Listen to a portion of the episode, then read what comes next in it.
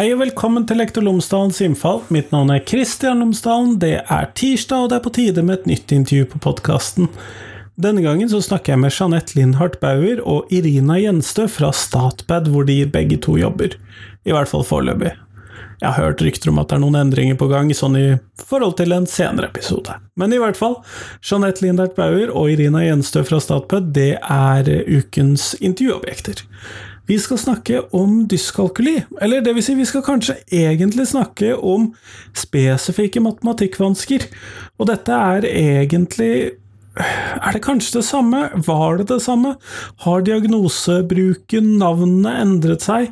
Hva er egentlig disse to forskjellige diagnosene, hva er forskjellen, hva er likhetene, og selvfølgelig, det viktigste, hvordan møter vi dette i skolen? Det er jo alltid det viktigste når det kommer til ulike diagnoser, ulike vansker, ulike situasjoner for elevene. Sånn at det skal jeg snakke med Jeanette og Irina om i denne episoden.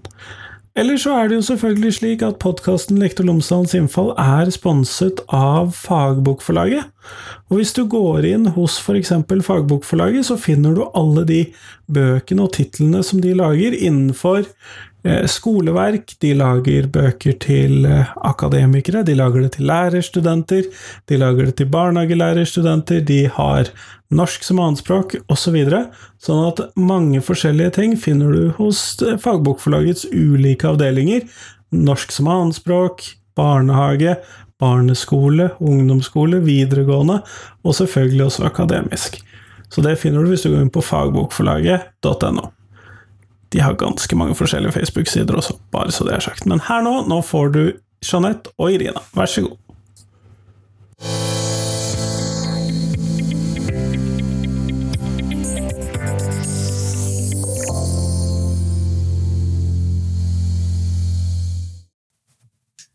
Jeanette Lindtart Bauer og Irina Jenstø, tusen takk for at dere har tatt dere tid til meg i dag.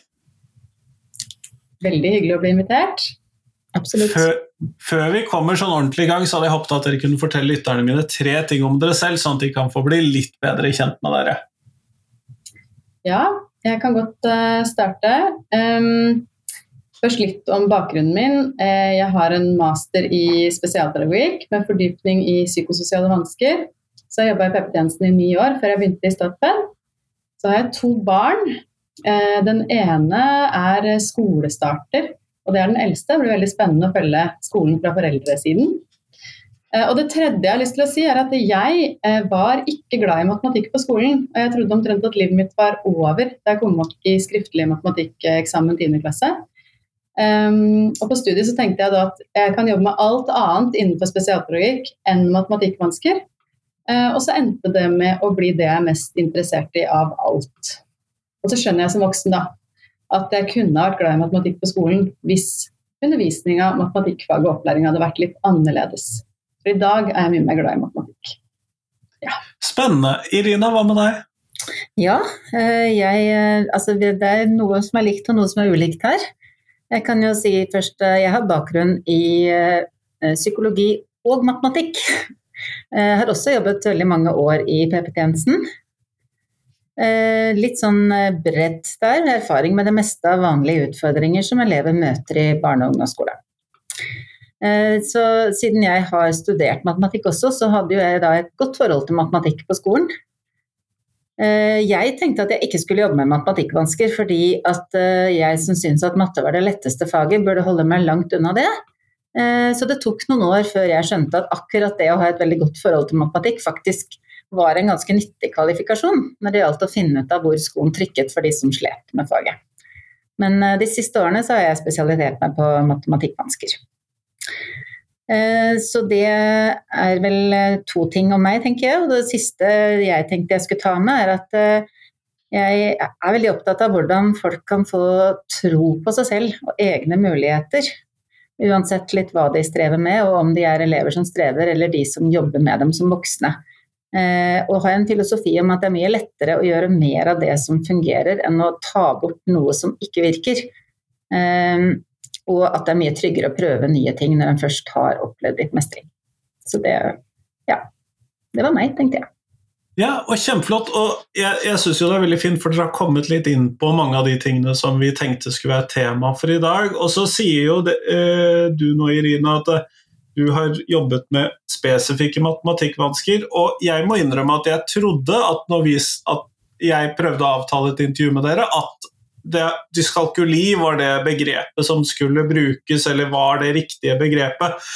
Eh, og det fikk jeg jo ganske fort forklart at det ikke var, men om du kunne fortelle hva er forskjellen på dyskalkuli, spesifikke matematikkvansker? Hva, hva, er greia her? Fordi ja. det, det, har ikke jeg skjønt, åpenbart. Nei, det er ikke veldig rart. Og jeg kan jo begynne med å si at det er slett ikke opplest og vedtatt at dyskalkuli er det gale begrepet. Det er masse meninger om det. Eh, det som er, er at man hittil, altså frem til 2018-2019, når man snakket om dyskalkuli, så mente man eh, disse medfødte eh, spesifikke matematikkvanskene som handler om tall og mengde og regneferdigheter. Så kom Verdens helseorganisasjon med en diagnosemanual hvor de kasta litt om på dette. Og kalte en ervervet hjerneskade for dyskalkuli. Det var det eneste stedet de fant dyskalkulibegrepet i den der ICD-11 som har kommet. Det er under ervervede hjerneskader. Og så har de kalt denne medfødte spesifikke lærevansken for developmental learning disorder. Så den er der fortsatt, men den heter ikke lenger dyskalkuli. Så, eh, og det har den egentlig aldri gjort i ICD-systemet, men, men, det er første gang de har puttet inn det ordet et annet sted. Så vi Eh, driver som alle andre og navigerer i litt sånn rotete farvann. Eh, og så har vi tenkt at for å prøve å unngå å være tvetydige, så bruker vi spesifikke matematikkvansker. Men det er, ikke, det er ikke gjort noen eh, beslutning i Norge om hva det skal og ikke skal hete. Og flere interesseorganisasjoner, bl.a. Dysleksi, Dysleksi Norge, de bruker dyskalkuli konsekvent om denne lærevansken. Eh, ikke denne ervervede hjerneskaden som de da har innført i ICD-11. Så det er, eh, det er, lett å bli forvirra. Vi er kanskje litt forvirra, vi òg. Det, eh, det, er ikke noen klar fasit ennå. Nei, og det, det, blir jo da ikke klarere for de av oss som ikke jobber med dette i det daglige. Nei, Det som jeg tenker er litt viktig å få frem, er at forståelsen av lærevansken har egentlig ikke endret seg. Så det er liksom navnesettingen man driver og knøler med. Eh, for å si det sånn. Eh, så om du kaller det spesifikke matematikkvansker eller om du kaller det eh, dyskalkuli når du snakker om denne lærevansken, så er man stort sett ganske enige om at det handler om store utfordringer med tall og mengdeforståelse og regneferdigheter. Um, og det som er litt sånn spennende, er at denne gruppa med barn og unge og voksne, de har egentlig normalt gode forutsetninger i utgangspunktet for å forstå og resonnere. Og i og for seg også for å lære veldig mye i matematikken. Um, men at uh, disse store vanskene med tall og mengdeforståelse, de spenner liksom beina på dem. Og så har det vært en tradisjon i norsk skole å legge veldig stor vekt på algoritmer og prosedyrer og regneferdigheter i form av som gangetabell, tiervenner. Um, og det, da er du midt i kjernevansken for disse, og da eh, så, så, de har egentlig ganske ofte fått en opplæring som har truffet dem veldig dårlig. Så det men det, det høres ut som en sånn Ja, men hvis vi da prøver å gå videre dit hvor du har pekt oss hen nå, eh, hvor, mm. hva er det vi da snakker om når vi snakker om spesifikke lærevansker eller dyskalkuli, slik begrepet da har blitt brukt og brukes av dyskalkuli i Norge. ja, eller spesifikke matematikkvansker, som vi sier, da. Ja. Jo, nei, det vi snakker om er rett og slett å ha store problemer med å eh, anslå tall og mengder.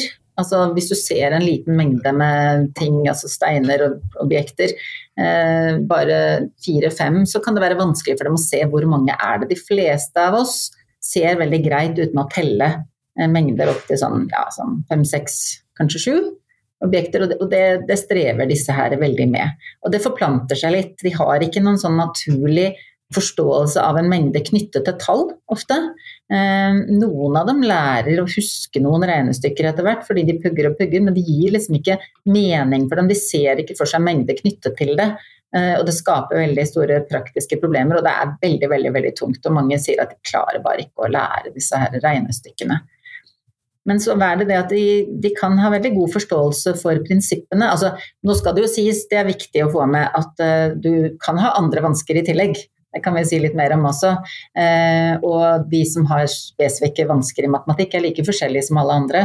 Men i utgangspunktet så handler ikke det om problemløsningsferdigheter. Uh, og du kan ha veldig gode resultater på, i andre fag og, og, områder. Og de kan, det er også eksempler på folk med spesifikke matematikkvansker som har blitt veldig gode i matematikk, selv om de da fortsatt alltid vil ha trøbbel med regnestykkene. Så, mm. Men de, de, krever at du De krever en opplæring som har fokus på dette med forståelse av sammenhenger og prinsipper og, og hva du bruker det til, eh, og ikke drille algoritmer og regnestykker. For det er veldig vanskelig. Nettopp. Og det er jo litt vanskelig å se for seg for veldig mange av oss som alltid kanskje har fikset matematikkfaget og fikset skolen på veldig mange måter, og det er vel kanskje noe av det dere møter i det arbeidet deres også, Jeanette? Absolutt, vi gjør det. Um, uh, og det er veldig mange Jeg er veldig opptatt av det vi kaller for matteangst. Uh, og det er ikke en egen diagnose, selv om det kan høres sånn ut. Men det er en beskrivelse av det å oppleve frykt og engstelse og stress i møte med matematikk. Og det er jo veldig mange av de elevene som har matematikkvansker, eh, som får et veldig dårlig forhold til matematikk og kjenner på disse vanskelige følelsene knytta til faget.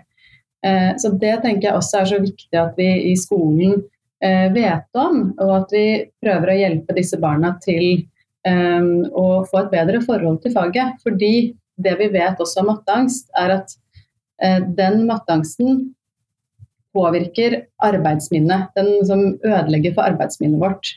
Og det er så viktig når vi jobber med matematikk. Eh, så det eh, betyr at f.eks. hvis du får et regnestykke du skal jobbe med, og så blir du stressa, hjernen din du klarer liksom ikke å tenke klart. Og da er det vanskelig å huske disse tallene, det er vanskelig å bearbeide det regnestykket. Eh, og det gjør også at matteangsten også kan påvirke eh, læringa i matematikk. Så det tenker jeg at det er også så Ja, det, det er noe som gjør at jeg er veldig opptatt av at vi må sørge for å liksom, ufarliggjøre mattefaget da, for, for, elever som strever.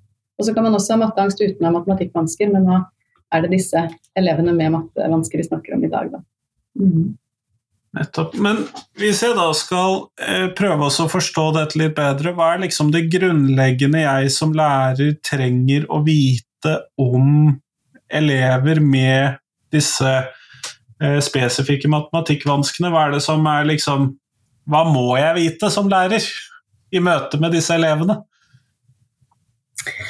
Ja, eh, Nei, altså det, det, er det der eh, som jeg snakket om med dette med tall- og mengdeforståelse som en kjernevanske, men samtidig at de har muligheter til å forstå eh, de kan, altså, det, det, er veldig mye snakk om hva som er grunnleggende regneferdigheter, og at det er veldig viktig å ha de grunnleggende regneferdighetene på plass. Men grunnleggende regneferdigheter blir litt for ofte forstått litt sånn derre eh, instrumentelt, da, kan du kalle det, som gangetabellen og tiervenner og eh, prosedyrer. Eh, jeg er mer opptatt av at grunnleggende regneferdigheter handler f.eks. For å forstå at multiplikasjon er gjentatt addisjon, altså sammenhengen der. At eh, pluss og minus er motsatser. Ganging og deling er også motsatser. Eh, det er mange som sier f.eks. de har lært seg en god del av gangetabellen, så sier de at jeg kan ikke dele. Og så skjønner de ikke at det egentlig er de samme regnestykkene. Og da er, det, da er det noe grunnleggende som mangler, selv om de kanskje har de regnestykkene på plass så vet de ikke hvordan de skal bruke dem. Eller det å vite når du står i en butikk eller en hverdagslig situasjon, hva slags regnestykke trengs her for å løse den. Det er mye viktigere, tenker jeg, enn å vite hva det Altså å kunne regne ut svaret. For da, særlig i dagens moderne samfunn, så har du masse hjelpemidler. Alle mobiler har en kalkulator. Men hvis ikke du vet hvilket regnestykke du skal finne svaret til, da har du egentlig større utfordringer. Og det er jo også, Nå snakker vi jo Du har bedt oss å ha fokus på spesifikke matematikkvansker, men jeg har veldig lyst til å bare ta med kort òg, fordi vi i Statped er opptatt av at matematikkvansker er veldig sammensatt. Matematikk er et fag som krever veldig mange ulike eh, forståelser og ferdigheter. Vi jobber jo mye mer med disse elevene som har store sammensatte vansker. Eh, og da, jo, da ser jo vi vansker som egentlig har mye større påvirkning på matematikkfaget. Eh, altså både store språkvansker og også store vansker med liksom å forstå og resonnere rundt det du ser. Eh, har større påvirkning på en del av eh, matteferdighetene faktisk enn disse spesifikke vanskene, hvis de får riktig tilrettelegging. Og skal det da sies at mange av de med spesifikke mattevansker eller dyskalkuli har fått så dårlig egna undervisning at de virker jo som de har mye større vansker i praksis, da, etter, ettersom årene har gått, enn det de kunne ha gjort hvis de hadde fått riktig opplæring. Jeanette? Ja, og så eh, tenker jeg at det er viktig å vite at det er veldig høy komorbiditet mellom spesifikke eh, matematikkvansker og andre lærevansker. Eh, som eh, lese- og skrivevansker og språkvansker. Så det betyr at det er vanlig å ha eh, spesifikke matematikkvansker og disse andre vanskene samtidig. Det er til og med en høyere risiko for at du har andre diagnoser når du først har spesifikke matematikkvansker bl.a. dobbelt så stor sjanse for, få, eh, for, at du også har dysleksi når du har matematikkvansker, som hvis du ikke har det. Det tenker jeg blir viktig også at eh, vi i skolen er oppmerksomme på det. Eh, at vi når vi blir bekymra for en elevs mattevansker, at man går liksom bredere ut og tenker ok, hvordan fungerer eleven på andre områder, kan det også være andre vansker her. Mm. Men det må jo gjøre det veldig komplisert å skulle oppdage at elever øh, sliter eller har, har, spesifikke matematikkvansker, når det både kan være andre ting som øh, egentlig virker inn på det, og det kan være at du har større mulighet for å ha andre lærevansker hvis du har matematikkvansker også. Ja, det gjør det. Um, så vi må, tenker at vi må kartlegge bredt. Um, ville du svare, Irine? Nei, jeg, kan, jeg, kan, utfylle etterpå, men jeg kan Ja. ja. Uh, Så bred ja. kartlegging. Hva? Bred kartlegging er tydeligvis kartlegging, ja. ja. Det tenker jeg blir veldig viktig. Og så har jeg lyst til å si når vi først skal snakke litt om kartlegging, for kartlegging er veldig viktig. Um, så jeg har bare lyst til å starte med å si at det er så viktig at vi um, kartlegger også opplæringa, eh, som eleven får innholdet i opplæringa. For det er veldig lett når vi tenker kartlegging, at vi tenker ok, vi skal kartlegge matemat eh, på matematikkvansker. Da kartlegger vi forståelse og ferdigheter i matematikk gjennom kartleggingsprøver. Og det skal vi gjøre, det er viktig. Um, men det er også viktig å uh, kartlegge uh, innholdet i opplæringa. Se om det er forhold ved opplæringa som kan ha påvirka elevens læring, og om de vanskene eleven har i matematikk kan forklares gjennom ikke godt nok tilpassa opplæring. Da. Mm. Uh, og da tenker jeg at Gode spørsmål å stille seg kan være hvor inkluderende er matematikkundervisninga vår? Hva slags type hjelp og støtte gir vi på skolen uh, vår, elever som strever i matematikk? og Er, er omgivelsene matteangstvennlige?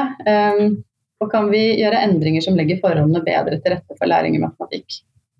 Um, og så kan jeg si ganske mye om å kartlegge i matematikk også, men nå tror jeg jeg skal slippe til eh, Irina først. Ja, altså Det jeg sitter og tenker på, jeg er veldig enig i alt det du sier, Jeanette. Eh, og det er klart at jeg er også enig i at det er komplekst, dette her. Men samtidig så har jeg som en sånn hjertesak at man ikke skal være så redd for å ta i det. For vi ser jo altfor mange eksempler på at uh, man har litt sånn berøringsangst da, når det gjelder mattevansker, uansett hvordan man forstår dem. Og, og, når du snakker om at det er så komplekst og hvordan skal man finne ut av det, så, så ser vi jo en god del eksempler på at nettopp fordi folk tenker det, så, så gjør de egentlig veldig lite med det.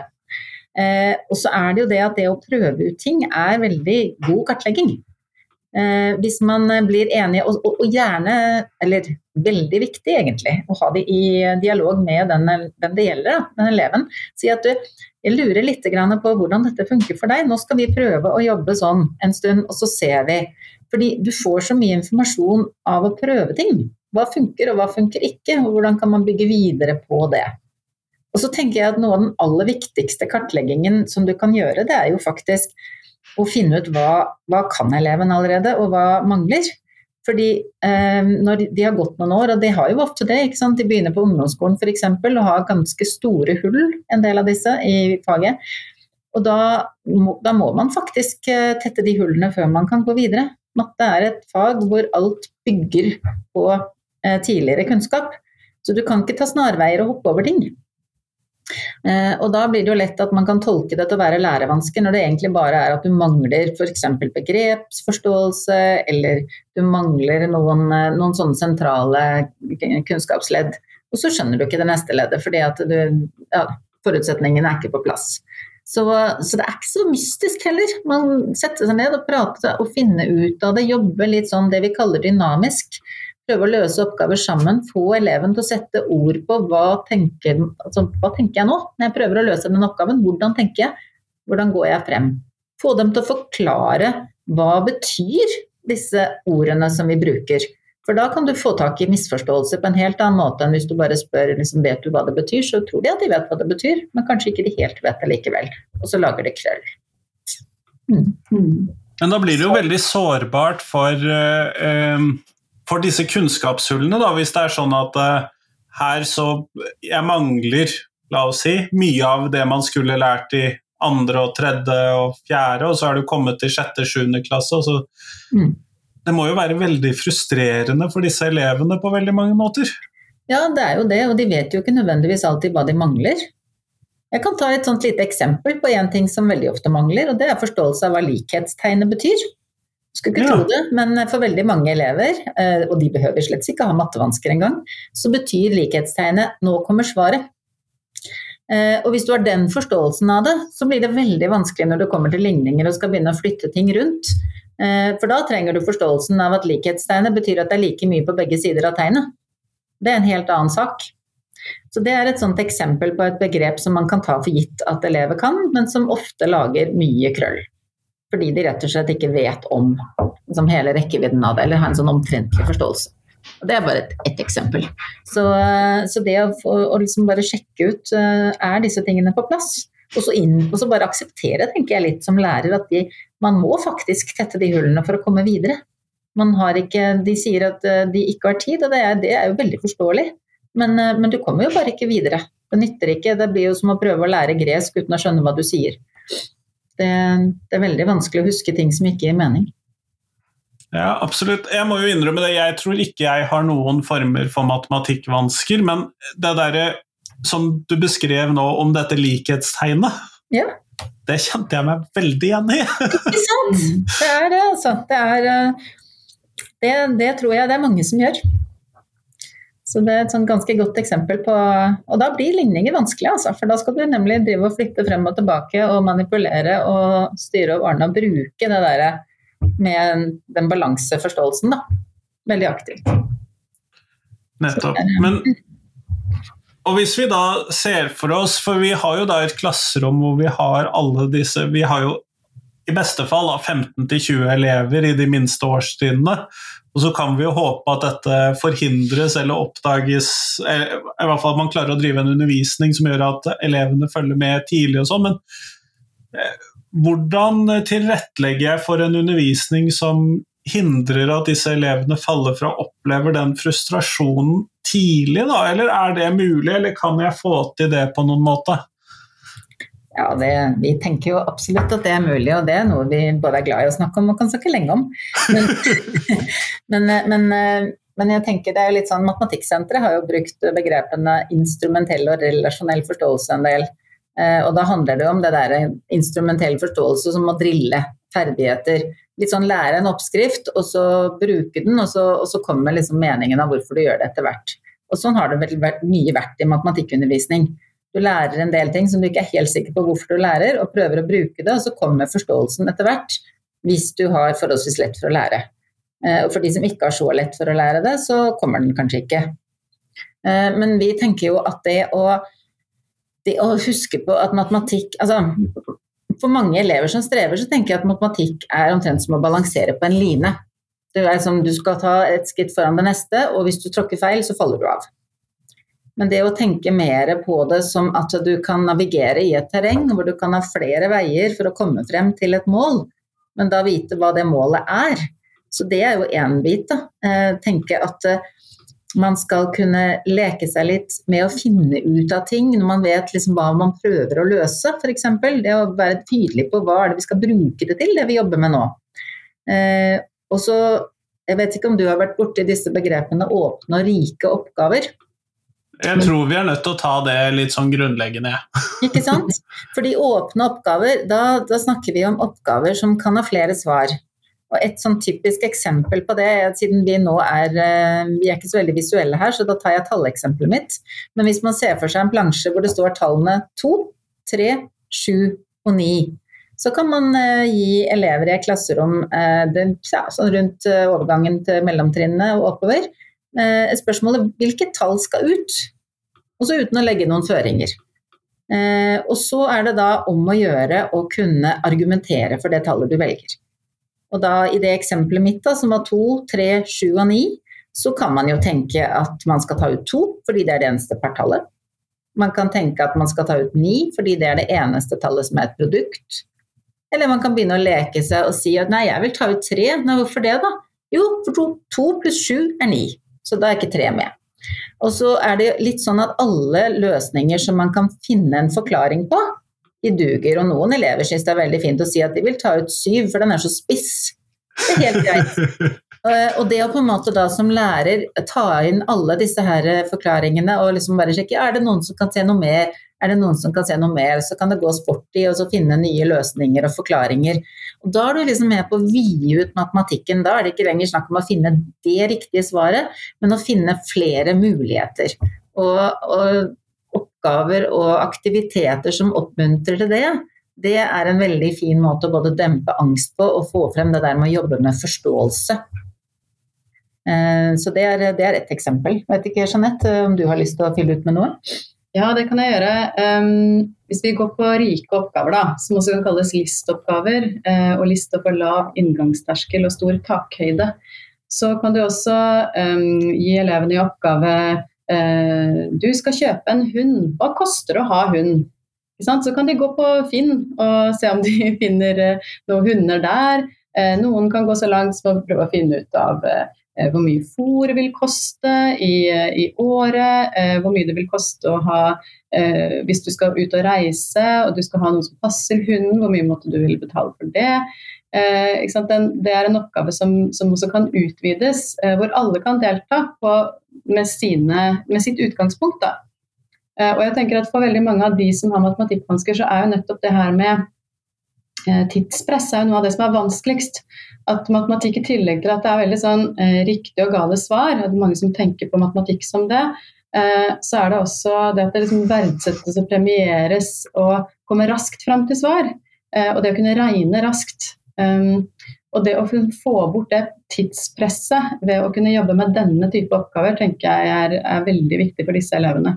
Jeg har vært jeg har jo jobba noen år og møtt uh, ganske mange, vært på besøk i mange klasserom da, og sett uh, mange matematikktimer. Og det er ganske stor forskjell på denne type timer hvor de jobber på denne måten, hvor elevene du, du, ser en sånn trygghet og god stemning i klasserommet, eller når det er sånn um, alle, Man bare peker på tilfeldige elever og skal ha en slags gangekonkurranse. Uh, og det er om å gjøre å svare raskest og riktigst, og de som ikke klarer å svare så raskt, må sette seg ned, f.eks., og så står den beste igjen til slutt. Eh, som skaper veldig mye mer stress, da. Ja. Ja. ja. det kan jeg virkelig se for meg. At, eh, og det er jo nettopp den typen undervisningspraksis man ofte advarer mot når man skal ha et inkluderende klasserom. Dette ja. peker på en tilfeldig elev. Det er det, men mange, jeg tror mange lærere også eh, altså, alle lærere som bruker denne måten å motivere på i matematikk, de gjør det i aller beste mening, fordi at elevene kan bli ganske sånn gira, ikke sant, og, og bli veldig revet med. Og så kanskje ganske mange av dem, kanskje opptil ja, nesten halve klasserommet kjenner liksom at de blir stressa i en sånn type situasjon. Men det stresset kan se ut som engasjement og begeistring, og så tenker man at nå leker vi med matematikken. Nå blir det morsomt for elevene så er det vanskelig å liksom forstå hvor, hvor, stressende det kan være for, for, mange elever, som, særlig de som strever med matematikk, men, men, også en del andre som bare har et litt anstrengt forhold til faget. Mm. Det å, ja, og det å tenke liksom, hvordan kan man legge opp til ting som, som man må løse i samarbeid, f.eks., og hvor det ikke handler om å være raskest og best, men kanskje med å finne på noe nytt og utvide. Um, dette med regneferdigheter, ikke sant. Eh, hvis du skal løse et regnestykke f.eks. istedenfor å ha fokus på hva er det riktige svaret og tenke hva, hvilke måter kan man komme frem til det svaret på? For litt eldre elever, så Jeg bruker noen ganger på, på kurs og forelesninger et eksempel eh, om å regne ut fem ganger 18. um, og, og, finne frem til liksom, hvilken metode brukte jeg for å få svaret, når jeg ikke får lov til å bruke penn og papir eller hjelpemidler. Og fordi det, det, er et såpass stort stykke at de færreste har det svaret sånn på stående fot, så du må gå noen sånne snarveier. Og Noen sier, sier at jo, jeg tok fem ganger ti og så fem ganger åtte og la det sammen.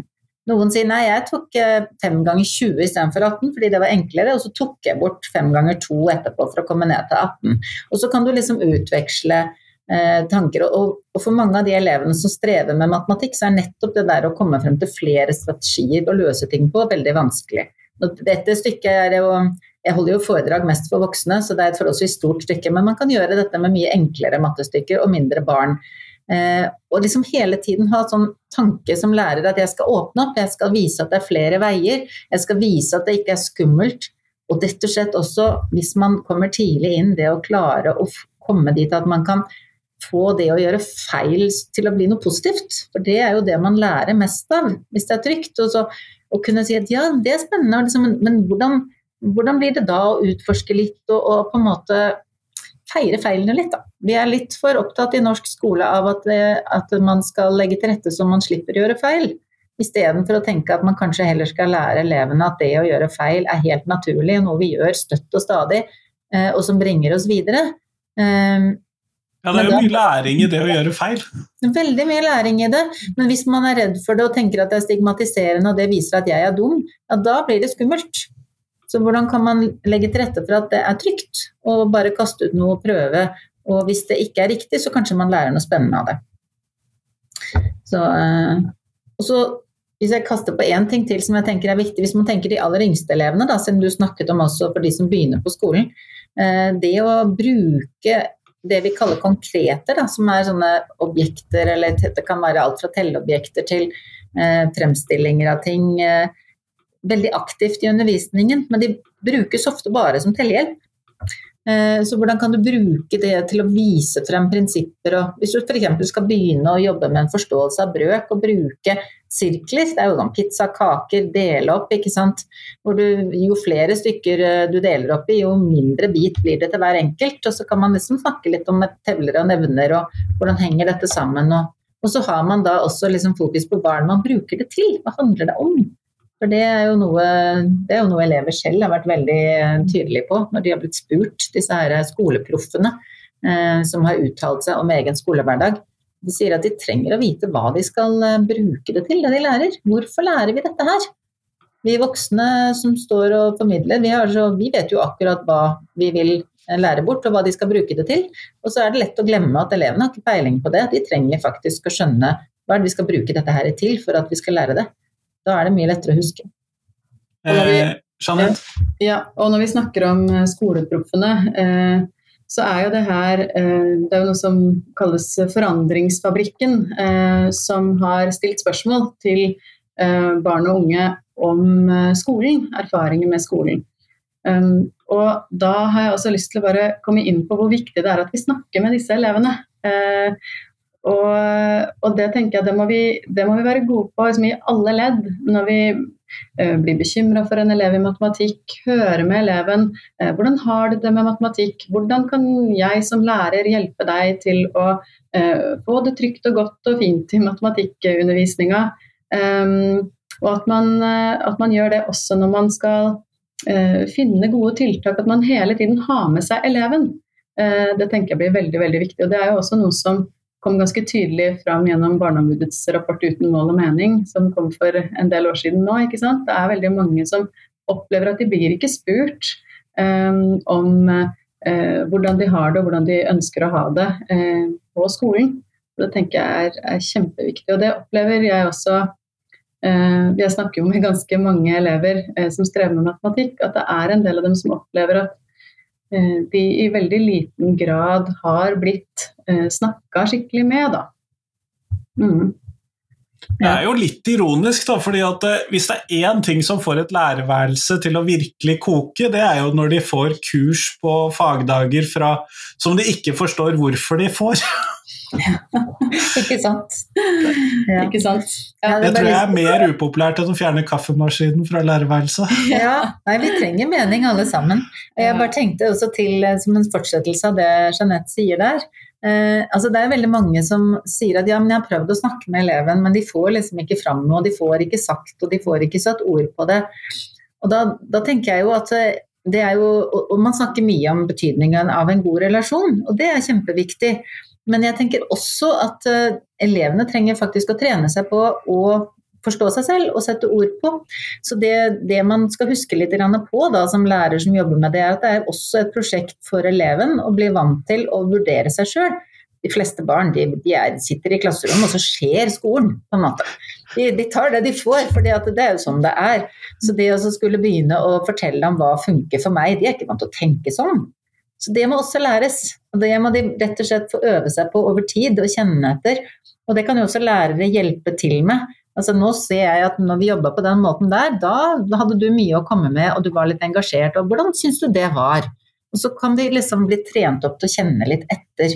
Så at man tenker på det som et litt sånn langsiktig prosjekt. Man skal ikke prøve å snakke med en elev en gang og finne ut av ting, men man skal lære sammen i dialog og ha en sånne jevnlige små drypp. Det skal ikke være mange minuttene ved pulten, men bare litt sånn, litt sånn utveksling.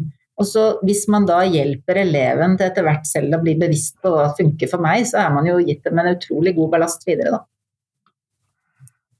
Men hvis jeg mistenker at jeg har en elev med spesifikke matematikkvansker eller andre utfordringer knyttet til matematikkfaget eller andre Ja, vi holder oss til matematikk. Eh, hvordan går jeg fram? Hva gjør jeg? Hva skal jeg se etter? Hva, hva skal jeg Ja, hva gjør jeg?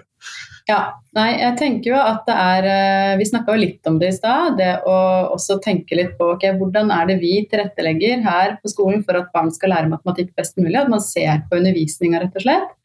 Eh, og at man um, før jeg går inn på dette med kartlegging i matematikk, også huske på det å se på lesing og skriving, se på språk. Eh, kanskje ja, Språk 616 er f.eks. veldig populær i skolen, mange som bruker den. altså At man, at man også går bredere ut. Eh, og så tenker jeg Når det gjelder dette med kartlegging av forståelse og ferdigheter i matematikk, så er det jo sånn at det er ganske store forskjeller mellom kommunene eh, hvordan, man, hvordan, man, kartlegger i matematikk. Og det er jo fordi vi ikke har noen sånn felles standard på kartleggingsrutiner fra nasjonalt hold. Um, det vi har som føringer, er at man kartlegger med UDIRs kartleggingsprøver på de trinnene hvor det er obligatorisk, og nasjonale prøver når det er obligatorisk. Og så skal man jo da, når man opplever at en elev ikke har tilfredsstillende utbytte av opplæringa, Um, så skal det jo gjennomføres individuell kartlegging og prøves ut tiltak. Og så skal man vurdere effekt av tiltakene, og så eventuelt da vurdere en henvisning til PP-tjenesten. da. Og Det tenker jeg jo at blir et viktig ledd hvis man da um, kartlegger og ser at her er vi fremdeles bekymra. Eh, at man da uh, går videre og, og, selvfølgelig i samarbeid med foreldre og elev uh, kontakter PP-tjenesten for, for, en utredning. Da. For det er der man stort sett utreder for spesifikke matematikkvansker i dag. Mm. Nettopp, sånn at eh, I første omgang så må jeg rett og slett se over egen undervisning, og det er jo kanskje ja. den mest krevende biten i dette. Det er, eh, okay, det er kanskje litt kø og sånn på PP-tjenesten og andre sånne eh, utredningssteder og sånn, men det å se på min egen undervisning med et litt kritisk blikk, det tror jeg kanskje er det vanskeligste jeg gjør til enhver tid. Ja, ja, og så er det jo et sånt krav om at man skal prøve ut litt, ikke sant. Man skal teste ut, uh, gjøre noen tiltak, som det heter. ikke sant? Gi litt sånn intensiv uh, trening på noe av det som er vanskelig. Se hvordan det fungerer. Uh, så får man jo vite mye der også. Og da har jo, når man da skal til PP-tjenesten, så har man jo mye mer informasjon å gi dem. Så har de også større sjanse til å gjøre en god jobb, for da har de rett og slett mer informasjon i bånn. Så um, Eh, og det å snakke med eleven, altså, rett og slett. Høre hvordan de ser det. Og så kan man jo, hvis man tenker akkurat dette med spesifikke matematikkvansker, så kan man eh, prøve seg litt. Grann. Da har vi jo den dynamiske kartleggingsprøven som ligger ute på Statped sine nettsider. Den er ganske omfattende. Men det er noen sånne kjerneoppgaver der som kan være litt interessante. F.eks. det der med å få dem til å anslå omtrent hvor mange objekter ligger i en haug. Eh, er de helt på bærtur, eller har de litt peiling? Eh, og kan de liksom skille Eh, hvis det er yngre elever, da f.eks., og du har, eh, har en haug med objekter og så sprer du den litt, skjønner de at det fortsatt er like mange når du ikke har tatt, tatt bort noen eller lagt til noen? Eller, eller, ser det ut som det er flere fordi de tar større plass? Det er sånne ting som kan peke i retning av disse spesifikke vanskene. For det bare rett og slett blir så uoversiktlig for dem med tall og mengder. Og hvis de får til sånne ting greit, hvis de er litt større, omtrent hvor høy er jeg, omtrent hvor langt er det borti den veggen der, men så få dem til å anslå litt sånne hverdagslige størrelser. Eh, hvis det er veldig vanskelig, så kan det hende det er noe der. Hvis ikke det er så vanskelig, så spørs det om ikke skoen trykker et litt annet sted. Nettopp, nettopp. Men det gir jo da Hva skal vi kalle det? Eh, man har jo, tror jeg, i norsk skole ofte tenkt at eh, nå må vi vente og se litt, og må, mm. eleven må bli litt eldre og sånn, men det høres jo ut på det dere beskriver som at man kan oppdage dette hos relativt unge elever, da? Ja, det kan man nok. Og så tenker jeg at eh, er det Altså, det, det, vente og se, det er så Hva betyr det? Eh, vente og se i forbindelse med å liksom vurdere om du skal sette, eller be om en diagnose eller ikke, det er nå én ting. Men å vente og se når det gjelder å prøve ut eh, tiltak og tilrettelegging, det er jo veldig, veldig lite ålreit. Uh, så, så, det er liksom, hva legger du i begrepet? Jeg tenker det er kjempeviktig å starte å jobbe med en gang man blir bekymra. Prøve å finne ut av hva er det med denne eleven, og hva, hva funker ikke, hva funker. Uh, prøve ut forskjellige arbeidsmåter, sette i gang. Eh, fordi at eh, spriket bare vokser og vokser jo mer tiden går. Men om det skal ha liksom, stempel eller merkelappen spesifikke vansker eller ikke, det kan man kanskje godt vente med. Så det er liksom to forskjellige ting. Og jeg tenker nok òg at eh, en del PP-tjenester som har sittet litt sånn inne med Altså har ventet litt med å sette diagnoser, har jo fått beskyldningen om at de liksom har den vente-og-se-mentaliteten. Eh, og kanskje noen har det, men ofte så kan det nok handle om det der at de tenker at det er for tidlig å vurdere om det er spesifikt. Men det er absolutt ikke for tidlig å jobbe. Man må gå i gang, og man må sette, sette inn tiltak. Og da får man jo også mer kjøtt på beinet til å vurdere om det er uh, spesifikt eller ikke, siden jeg er sånn. Og så vet vi jo at uh, spesifikke matematikkvansker er jo en diagnose som gis veldig sent ofte i mm. Norge i dag ofte, absolutt de aller fleste, får den diagnosen på ungdomsskolen og senere. Uh, og det er veldig sent igjen, så det er ikke det vi, vi snakker om å, å, vente så lenge. Uh, men, for vi kan tenke at sant, matematikkfaget utvikler seg, og altså sånn på tredje-fjerde trinn f.eks. Eh, er det en del som jeg opplevde hvert fall da jeg jobba i PP-tjenesten, eh, som jeg fikk henvisning på omtrent da at de ser at eh, her ligger det i matematikkfaget Eh, hvor det er lettere å vurdere spesifikke vansker enn det er når de nettopp har begynt på skolen f.eks. Eh, så, så ungdomsskolen, videregående oppover, det, det, er sent igjen. For en diagnose kan være ganske viktig for en elev um, for å forstå hva det er som gjør at matematikk blir så fryktelig vanskelig. Uh, og det å gå og lure på om man kanskje har spesifikke matematikkvansker, uh, og også når det kanskje ender med at nei, det var ikke det. Uh, det ser ut som at du har en ganske sånn, alvorlig grad av matteangst f.eks. Um, og strever ikke på den måten i matematikk, ikke så mye som det du kanskje har tenkt selv. Um, det, det, det, er viktig for en elevs selvfølelse uansett å, å få vite okay, hva er det som gjør at jeg strever, da. Mm. Ja. Nettopp, nettopp. Og det tror jeg nok kanskje er viktigere enn hva skal vi kalle enn tilretteleggingen som kan gis. I hvert fall for en del elever så har jeg merket det at bare det å vite hva, det, hva dette er, ofte kan gi en ganske stor effekt. Mm. Det kan det. Ja, og, og, i den sammenhengen også få vite hva det ikke er, ikke sant. Eh, ikke minst. Jo, men jeg tenker at når det gjelder spesifikke matematikkvansker f.eks., eh, så er jo det nettopp eh, Når man setter den, så er det jo nettopp fordi man ser at det er for det er liksom forutsetninger for å forstå og resonnere og ferdigheter på andre områder som er gode. Så det er jo på en måte egentlig en anerkjennelse av at du har mye å by på. Så i hvert fall så bør det forstås sånn. På samme måte som det å ha eh, lese- og skrivevansker. Eh, det betyr jo at man ser at du, du har mye å by på som du ikke får utnytta fordi det å lese og skrive er vanskelig. Eh, Så det, det, er også noe jeg er litt sånn opptatt av, at uh, man skal tenke at det faktisk er en anerkjennelse i det. Å få beskjed om en spesifikk vanske. Det betyr at man har sett at det er veldig mye annet som funker. Mm.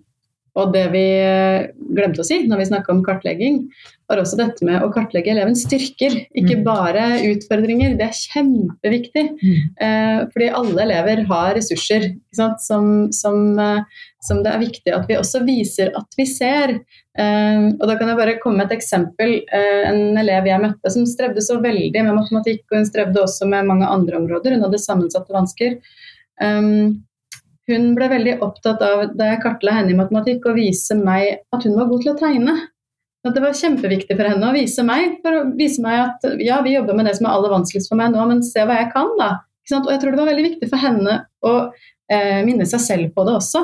At jeg er mer enn bare vanskene mine. Det er kjempeviktig at vi, at vi også har med oss når vi møter disse elevene. Ja, og det er, jo, det er, jo, styrkene sine de skal bygge videre på etter hvert fremtiden òg. Og kanskje til dels å bruke for å hjelpe seg selv over de hindrene som kommer av de vanskene. Som i det tilfellet med spesifikke matematikkvansker, at du må virkelig bruke det der at det å forstå og resonnere, det er noe de kan få til. Til mm. å jobbe rundt det, og da jobbe med matematikken på en annen måte. Og der er jo fagfornyelsen eh, har jo veldig mye bra. Altså det, man har gjort en god del skifter nå de senere årene i det man legger opp til, som er veldig bra for matematikkfaget. Det som kanskje har vært litt mer vekslende, det er hvor mye støtte eh, lærerne har fått da, for å gjøre den omstillingen. Eh, det kan man jo kanskje snakke om, eh, og det ser vi jo når vi er ute. Vi ser at noen har kommet veldig langt og er, eh, har fått til veldig mye, og så er det andre kanskje som står litt mer i startgropa. Og Det er jo også veldig viktig å ha skoleledelser som legger til rette for at man tar dette på alvor, og, og som, at man får tid til å sette seg ned og jobbe med det. For det, det er klart at det tar tid å legge om. Det, klart, det tar tid å endre en praksis. Og jeg tenker også at det er kjempeviktig at lærere tillater seg selv også å være i en læringsfase. Da. En del av disse nye arbeidsmåtene og verktøyene. At uh, om ikke det funker så fint den første og andre gangen du prøver det i et klasserom, så kanskje det kan funke fint etter uh, fem eller seks ganger når du har begynt å få det innarbeidet. Ikke gi opp for tidlig der heller. Og tillate seg sjøl å prøve å feile litt. ja. ja, det er jo ikke bare, vi, det er ikke bare elevene som skal lære. Eh, men vi går mot slutten av dette podkastintervjuet, og da skal jeg stille dere det spørsmålet som jeg stiller til alle de jeg intervjuer. Og hva er det aller viktigste skolen lærer elevene, hvis du skal velge tre ting? Og da kan vi jo starte med deg, Jeanette. Ja um, Jeg husker på om det er tre ting jeg kommer med nå, men jeg tenker at det er veldig viktig å Eh, lære elevene å ha forståelse og respekt for hverandre og for annerledeshet. At vi alle er forskjellige og at vi er verdifulle alle sammen. Og det å legge til rette for at elevene får utvikle seg til å bli gode medmennesker, legge til rette for at de får gode relasjoner og vennskap, det har jeg Ja. Det får være mine ting. Det var nok ikke tre, men eh, det får være sånn, ja. Det tror jeg vi skal leve fint med. Hva med deg, Irina? Ja, ikke sant. Og vi er jo veldig enige om dette, så dette er jo også noe jeg kunne ha sagt. Men jeg har da Jeg, jeg tenker at uh, jeg vil trekke frem at det er utrolig viktig å lære disse elevene at de alltid har mulighet til å utvikle seg og komme videre. Det som på en måte gir dem litt tro på det selv. Og så komme tilbake til det jeg snakket om å, å gjøre feil. At det er fint å gjøre feil, fordi en kan lære av det. Altså skape en omgivelser hvor det er trygt, det tenker jeg er eh, utrolig viktig. Um, og hvis man kan klare det, hvis man kan klare å skape et uh, miljø som, som Jeanette sier, hvor det er rom for annerledeshet, hvor det er fint å gjøre feil, fordi det kan man lære av, ja, da, da, tror jeg kanskje at man sender ut elever som har troa på at de kan utvikle seg og lære nye ting og være nyttige, da. Det, det tenker jeg får være min greie mitt bidrag her. Kjempeflott. Tusen takk for at dere tok dere tid til meg i dag. Tusen takk for at vi fikk lov å være med. Ja, takk for det.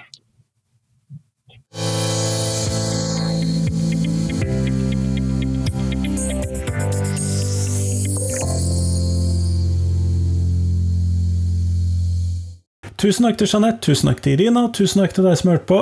Nå er det fram til tirsdag, så kommer det Nei, fram til fredag, vet du. Dette var jo en tirsdag. Nå er det fram til fredag, så kommer det en ny episode på podkasten, og det gleder jeg meg som alltid til. Ellers så er det jo sånn at podkasten den lever av at du hører på den, og lever av at andre hører på den. Lever av at du deler podkasten min med noen som du tror vil sette pris på den. Det blir i hvert fall jeg veldig glad for. Men nå, nå får du ha en fin uke. Hei, hei.